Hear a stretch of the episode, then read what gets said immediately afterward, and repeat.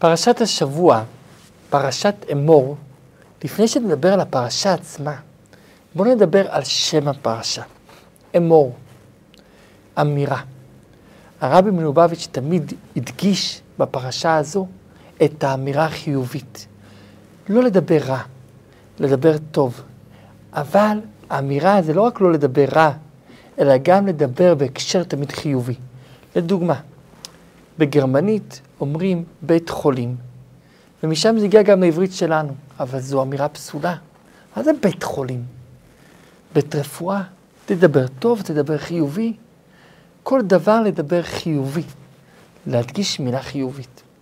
הפרשה שלנו מדברת בהתחלה על החינוך שהכוהנים מחנכים את הילדים שלהם, וזה נקרא אמור. בעברית יש אמור ויש דיבור. דיבור זה קשה, אמור זה רך. לילדים יש לחנך אותם בצורה של אמירה, בצורה רכה, בצורה טובה, בצורה חיובית, לא חלילה בצורה שלילית, אך ורק בצורה חיובית. ואיך רש"י אומר? להזהיר גדולים לקטנים. להזהיר, אנחנו לא שמים לב, אבל אזהרה זה מלשון זוהר, מלשון אור. כשאתה מזהיר מישהו, תעשה את זה עם אור, עם אהבה. אתה לא יכול להעיר לילד שלך אם אתה לא אוהב אותו. אתה לא יכול להעיר למישהו אם אתה לא אוהב אותו. תעשה את זה מתוך אהבה, אתה תצליח אכן. ואם בלשון הרע אנחנו רואים מה זה גורם, לשון טוב, על אחת כמה וכמה, שזה גורם דברים טובים. לא רק למי שמדברים אליו, אלא גם למי שמדבר בעצמו. זה גורם קודם כל טוב לא אישית. ונתחיל את הפרשה עצמה. הפרשה מדברת על דיני הכהנים. אומר הקדוש ברוך הוא למשה, אמור על הכהנים, בני אהרון, אסור להם להיות טמאים לנפש. עכשיו אנחנו מדברים על כהנים רגילים, לא על אהרון הכהן, לא על כהן גדול, אלא כהן הדיוט. מה זה הדיוט? לא אידיוט, טיפש, אלא הדיוט זה פשוט, כהן רגיל. אסור להם להיות טמאים לאף אדם. למי כן מותר להם להיות טמאים? לשבעת הקרובים. אבא, אימא, בן, בת, אח, אחות, אישה. השם ישמור, שלא נדע, שלא יהיה לאף יהודי. אם יש אחד משבעת הקרובים שנפטר, אז לכהן מותר לטפל בקבורה שלהם וככה הוא נטמע. אבל לסתם אדם אחר אסור לו, לכן אסור להיכנס לכהן לבית הקברות. אלא אם כן זה מת מצווה. מת מצווה זה אחד שאין אף אחד שיקבור, שיקבור אותו, אז מותר לכהן לטפל בו. האחות, כל זמן שהיא לא התחתנה, אז הכהן מותר לו להיטמא לה. אם התחתנה כבר, אסור לו. עכשיו, אסור להם לעשות קרחת, אסור להם לעשות שערות של מת, אסור להם לעשות שריטה על אבלות, כל דיני אבלות אסור להם, אלא להיות קדושים לאלוקיהם, כי הם מקריבים את מה שהקדוש ברוך הוא ציווה להקריב. לכן תמיד צריכים להישאר בקדושתם. אסור להם להתחתן עם אישה שהייתה בזנות, או עם אישה שאבא שלה כהן שהתחתן עם אישה אסורה, אז הילדה נקראת חללה, אסור להם להתחתן איתם. אסור להם גם להתחתן עם גרושה, אלא רק עם אישה או רווקה או אלמנה. לכהן גדול אסור להתחתן גם עם אלמנה, רק עם רווקה. לכהן גדול אסור גם להיות טמא אפילו להורים שלו. לאף אחד, לילדים לאף אחד, רק למת מצווה שאין אף אחד שיטפל, רק לא מותר להיטמא. אסור לצאת מהמקדש ללוויה, אלא בזמן, אפילו שיושבים שבעה, הוא נמצא במקדש, הוא נשאר בקדושתו תמיד. וכאן הפרשה ממשיכה ואומרת, אסור להקריב אדם שיש בו מום, או לחילופין אדם שהוא טמא, או לחילופין קורבן עם מום, או קורבן טמא, או אדם שיש לו צרעת, או אדם שיש לו זוב, נבלה, טרפה. אדם שהוא לא כהן, אסור לו לאכול קורבנות, הוא נחשב לזר. כהן יכול להאכיל את המשפחה שלו, אבל אם הבת שלו התחתנה עם איש זר, כבר לא יכול להאכיל אותה, היא כבר לא נחשבת כהנת, אבל אם היא חוזרת חזרה לביתו, כן אפשר אם היא מתגרשת או מתאלמנת שלא נדע. וכל זה התורה מדגישה כדי לשמר את הקדושה לכהנים. אך ורק הכהנים מותר להם בקדושה ולא לזרים. לאחר מכן התורה ממשיכה ואומרת, אם יש נדר או נדבה, מה ההבדל בין נדר לנדבה? נדר זה שאדם נודר על עצמו. נדבה זה שאדם מקדיש את הדבר. אני אתן דוגמה. אדם אומר, הנה, אני מתחייב לתת ספר תורה תוך שנה. הכין ספר תורה, ויומיים לפני הכנסת ספר תורה, הספר תורה הזה נגנב. האם הוא חייב לתת עדיין ספר תורה? כן. כי הוא נדר לתת ספר תורה, אז נכון שהספר תורה הזה נגנב, אבל הנדר הוא עליו. אבל אם אדם לוקח ספר תורה ואומר, את זה אני אתרום תוך שנה, אז אם זה נגנב, אז אין מה לעשות, הוא לא יהיה חייב לתרום משהו אחר, כי הוא לא יתחייב לתת ספר תורה, אלא הוא יתחייב לתת את הדבר הספציפי הזה, זה נקרא נדבה. זה ההבדל בין נדר לבין נדבה. אז צריך להביא את זה לבית המקדש זכר, תמים, בלי מום. אם יש מום, לא להביא את זה השם, השם לא יקבל את זה. עכשיו, אם יש שור, או כבש, או עז, שבוע ימים אסור לשחוט אותו, לעשות ממנו, אלא אך ורק אחרי שבוע ימים אפשר להביא אותו כקורבן. אסור להרוג שור עושה ביום אחד. אותו ובנו לא תשחטו ביום אחד, אסור. אסור כשמקריבים קורבן, אסור להשאיר אותו לבוקר שמחרת, צריך לאכול אותו באותו היום ובלילה מקורבנות התודה. אם זה שלמים, יש לנו שני ימים ולילה אחד. אסור לחלל את שם השם, חילול השם זה עבירה חמורה מאוד שאין על זה כפרה. אסור לדאוג שיהיה חילול השם, אלא תמיד לקדש שם שמיים, ששמו של השם יהיה קדוש בעולם. אני אוציא את אתכם מארץ מצרים, על מנת להיות לכם אל אלוקים, תקדשו את שמי, אני השם שלכם. ואז התורה מלמדת אותנו את דיני קורבנות המועדים ואת דיני המועדים בכלל. אומרת התורה ככה, ששת ימים תעשה מלאכה, יום השביעי שבת. אסור לעשות עכשיו בשבת שום דבר של מלאכה של חולין, אלא מה? אך ורק קודש, קודש להשם. כל מלאכה לא תעשו בכל משבותיכם. ועכשיו בואו נדבר קודם כל על הקורבנות. אלה מועדי השם. בואו נדבר על הקורבנות. מקראי קודש אשר תקראו אותם במועדם. בחודש הראשון, ביום ה-14, זה יום קורבן הפסח. יום לפני הפסח עצמו, ביום 14 מקריבים את קורבן הפסח, ובלילה מתחיל חג המצות, שזה חג הפסח, שבוע שלם אוכלים מצות. ביום הראשון, בלילה הראשון, ליל הסדר זה חובה, שאר הימים זה רשות, עושה מצווה, אבל זה רשות. לא אוכלים חמץ, ואוכלים את זה, יש רשות לכל מצה. ביום הראשון יש, אסור לעשות עבודה, וביום השביעי אסור לעשות עבודה, יום הראשון של פסח ויום השביעי של פסח. שבוע ימים מקריבים להשם קורבן, ביום השביעי זה שוב, כמו שאמרנו, חג. החל מהיום הראשון של חול המועד בארץ, ביום חוץ לארץ, זה היום השני של החג הראשון של פסח, יום ט"ז באייר, מקריבים את קורבן העומר. לוקחים מהתבואה החדשה ומקריבים אותה, עד אז אסור להשתמש מהתבואה החדשה. לאחר שמניפים את התבואה החדשה ועושים קורבן העומר, מותר להשתמש מהתבואה החדשה. וכל התבואה שזרו אותה לאחר קורבן העומר, אסורה עד שנה הבאה. ואז מניפים את העומר ממחרת השבת למחרת היום החג הראשון של פסח, עושים אותו יום קורבן כבש, עושים לו מנחה שני עשרונים, ולא מביאים, לא אוכלים עד שמקריבים את הקורבן הזה. ומאותו היום מתחילים לספור את ספירת העומר, ועד היום אנחנו עושים את המצווה הזאת. כל לילה סופרים את העומר, היום כך וכך לעומר.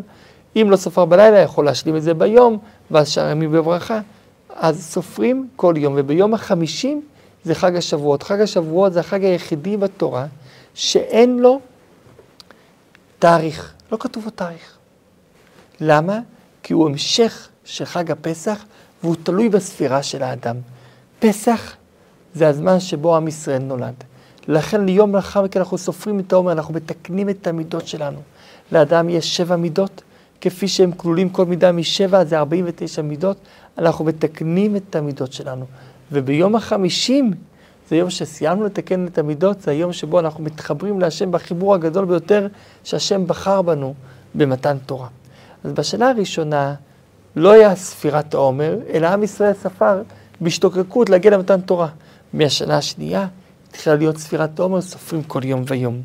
ואז מביאים ביום, הכיפור, ביום הביקורים בחג השבועות, מביאים שתי לחם, מניפים את זה להשם.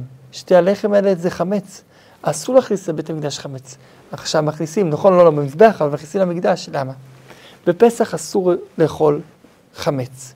זה השבוע של הלידה של עם ישראל, כמו תינוק, שאני לא מאכיל תינוק סטייק, אלא רק אוכל מותם. אותו דבר עם ישראל, כשהוא נולד, לא מאכילים אותו בחמץ, כי חמץ זה גאווה, רק במצות שזה ענווה. לאחר שבוע מותר לאכול חמץ. אבל עכשיו אנחנו מבררים את החמץ במצווה, וזה ספירת העומר, מתקנים את המידות. לא בגאווה, אוכלים חמץ, אבל כמו שצריך. אחרי שסיימנו לתקן, אפשר להביא כבר ביום החמישים איזה כמצווה, כמצווה לבית המקדש. ועוד משהו מאוד מעניין. לאחר הסתלקותו של הרבי מלובביץ' מצאו במגירה שלו רשימות שהוא כתב לעצמו.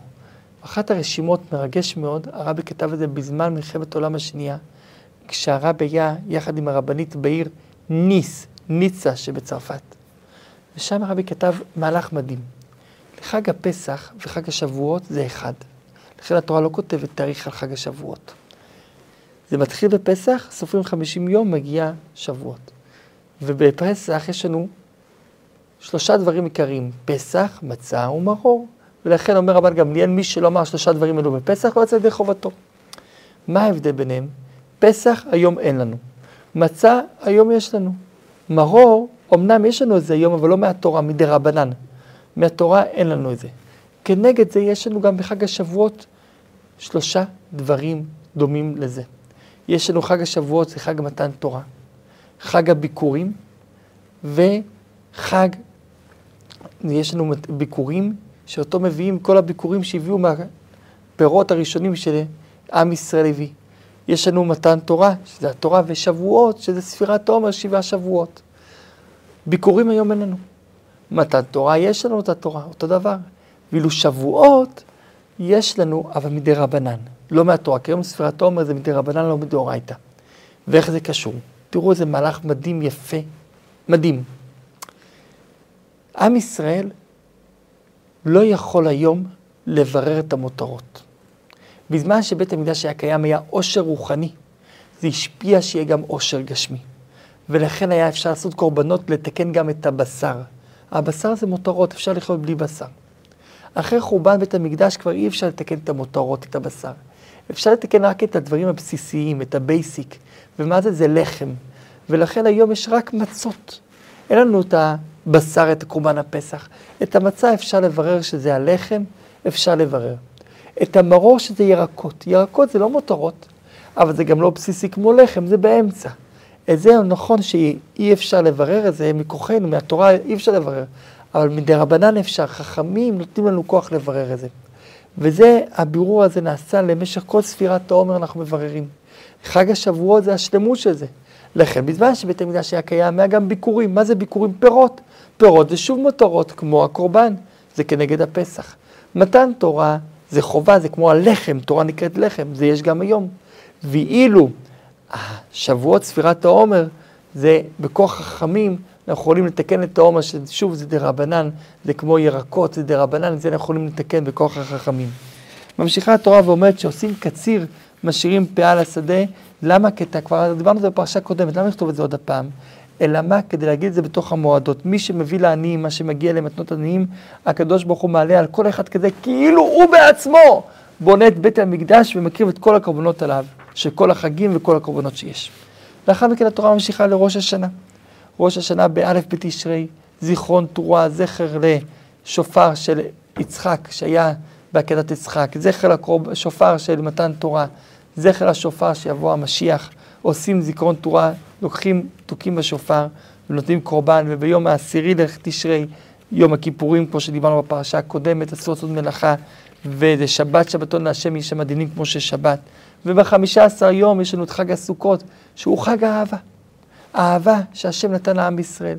זה החג הזה, חג הסוכות, חג שהאהבה גדולה שהקדוש ברוך הוא נתן לנו, זה החג הקדוש הזה. ובחג הסוכות אסור לנו לעשות מלאכה שבעה ימים, והחג הזה, כל השבוע חייבים לאכול, כשאוכלים סעודה בתוך הסוכה, בלילה הראשון חייבים לעשות סעודה. שאר הימים, הוא, אם הוא עושה סעודה, חייב לעשות את זה בסוכה, ויש מצווה נוספת, שזה ארבעת המינים שממשיכים את הקדושה בעולם, ארבעת המינים שזה לולב, שתי ערבות, שלושה הדסים ואתרוג, שמסמלים את ארבעת הסוגים בעם ישראל. צדיק, שיש בו גם טעם וגם ריח, גם מצוות וגם תורה, זה האתרוג.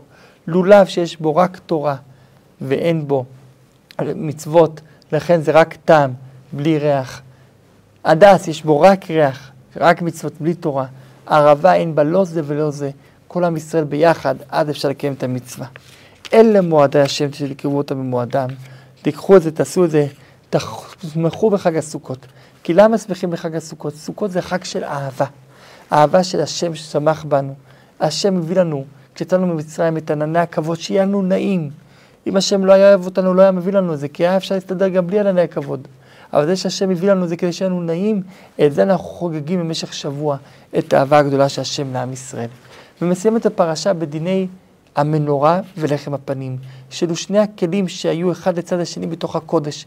המנורה, התורה ושולחן הלחם, הפנים, שולחן הלחם, אז המנורה צריך לעשות שמן זית זך כדי שתמיד יהיה נר תמיד במנורה, להכין את השמן, לערוך אותו מערב עד בוקר, שידלק כל הזמן במנורה התורה.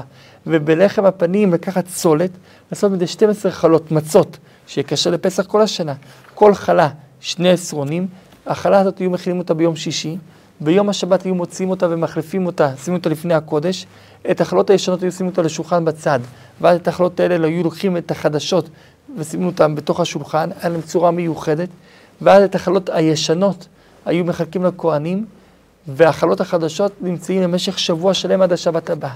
ואז בשבת הבאה אותו דבר, אותם מוציאים ומחלקים. ואפילו שעבר שמונה ימים זה היה טרי, כאילו השנייה זה יצא מהתנור. כל שבת היו עורכים את זה מחדש, והכוהנים אוכלים את זה. מסיימת הפרשה בסיפור עצוב. היה מישהו שהיה בן אישה ישראלית. אימא שלו זה שלומית בדברי, שהייתה יחד עם המציר הזה, שהמציר הזה אומנם אנס אותה, אבל היא הייתה זאתי שהייתה אומרת שלום לכל אחד ומדברת עם כל אחד, וככה הוא הכיר אותה, ויצא מהם אחד. האמא הייתה משבט דן, אבל הילד הוא לא משבט דן. והוא רוצה, הוא צחק על הקדוש ברוך הוא, אמר, מה המלך צריך את האוכל, הקדוש ברוך הוא צריך את האוכל הזה אחרי שבוע שלם. הוא רצה להיכנס לשבט דן, אמרו לו, מצטערים, אתה בכלל לא מהשבט שלנו. השבטים, אמנם היהדות הולכת לפי האמא, השבטים הולכים לפי האבא. הוא אומר ככה, נכנס לעולי של משה רבנו ושאל, הם צודקים או לא צודקים? משה אמר, הם צודקים, אתה צריך להיות באזור ש... היה אזור שכל מי שהוא לא שייך לשבט, שם אתה צריך להיות באזור, אתה לא יכול להיות בשבט דן. יצא וקילל את השם. קילל את השם, לא ידעו מה לעשות לו. שם אותו במשמר, שאלו את השם לעשות. השם אמר, מי שמברך את השם, לשון סגדין הוא מקלל את זה בסקילה, ולכל עם ישראל נדע עכשיו כמה צריך להיזהר באמירה טובה. וזה מתאים לפרשה שלנו, אמור. אמור אמירה טובה, ולחלופין רואים חלילה מה קורה באמירה שלילית. ואז הקדוש ברוך הוא אמר כבר גם את הדינים, מה קורה אם אדם יהרוג מישהו אחר? ברצח. אם אדם יהרוס בהמה של מישהו אחר, יהרוג אותה, צריך לשלם בהמה חדשה. אדם ייתן מום בשני, צריך לשלם לו פיצויים על מה שהוא עשה. אדם יפצע בהמה, צריך לשלם פיצויים על זה, וכן הלאה. ואומרת התורת הדינים ומסיים בסיפור שאכן הוציאו את אותו מקלל בסקילה. ולמה התורה מספרת לנו את זה? לתקן אותו. לספר טוב, לכן בדרך כלל התורה לא מספרת שמות, פה היא מספרת עם שם, כדי לתקן, להגיד לנו, לתת שלום טוב, לתת אמירה טובה, להרבות באמירה טובה ולא חלילה באמירה שלילית, וזה התיקון שיהיה. ההפטרה שלנו מדברת בספר יחזקאל, כשיבוא המשיח, על הדינים של הכהנים והלוויים, בני צדוק, שהם ישרתו את השם. מה יהיה הדינים של הכהנים שדומים לדינים של הפרשה שלנו, שאסור להם להתחתן עם אלמנה, אם זה כהן גדול, גרושה לכהן אדיוט, והביקורים והתרומות והמעשרות תיתנו ללווים ולכהנים, להניח ברכה אל ביתך. כשאדם מקפיד על המעשרות ועל התרומות, זה מביא לו ברכה בבית שלו, רק ברכה. אסור לאכול נבלה וטרפה, אסור לאכול, אלא רק לשמור על הקדושה, ובזה מסיים את ההפטרה, בברכה של אדם שמקפיד לשמור על דיני התרומות והמעשרות. אומר הקדוש ברוך הוא, תבחנו אותי, מי שעושה את זה, אני אתן לו ברכה עד בלי די. בעזרת השם שנזכה תמיד לברכה של השם, ונזכה כבר לביאת המשיח במהרה בימינו, אמן.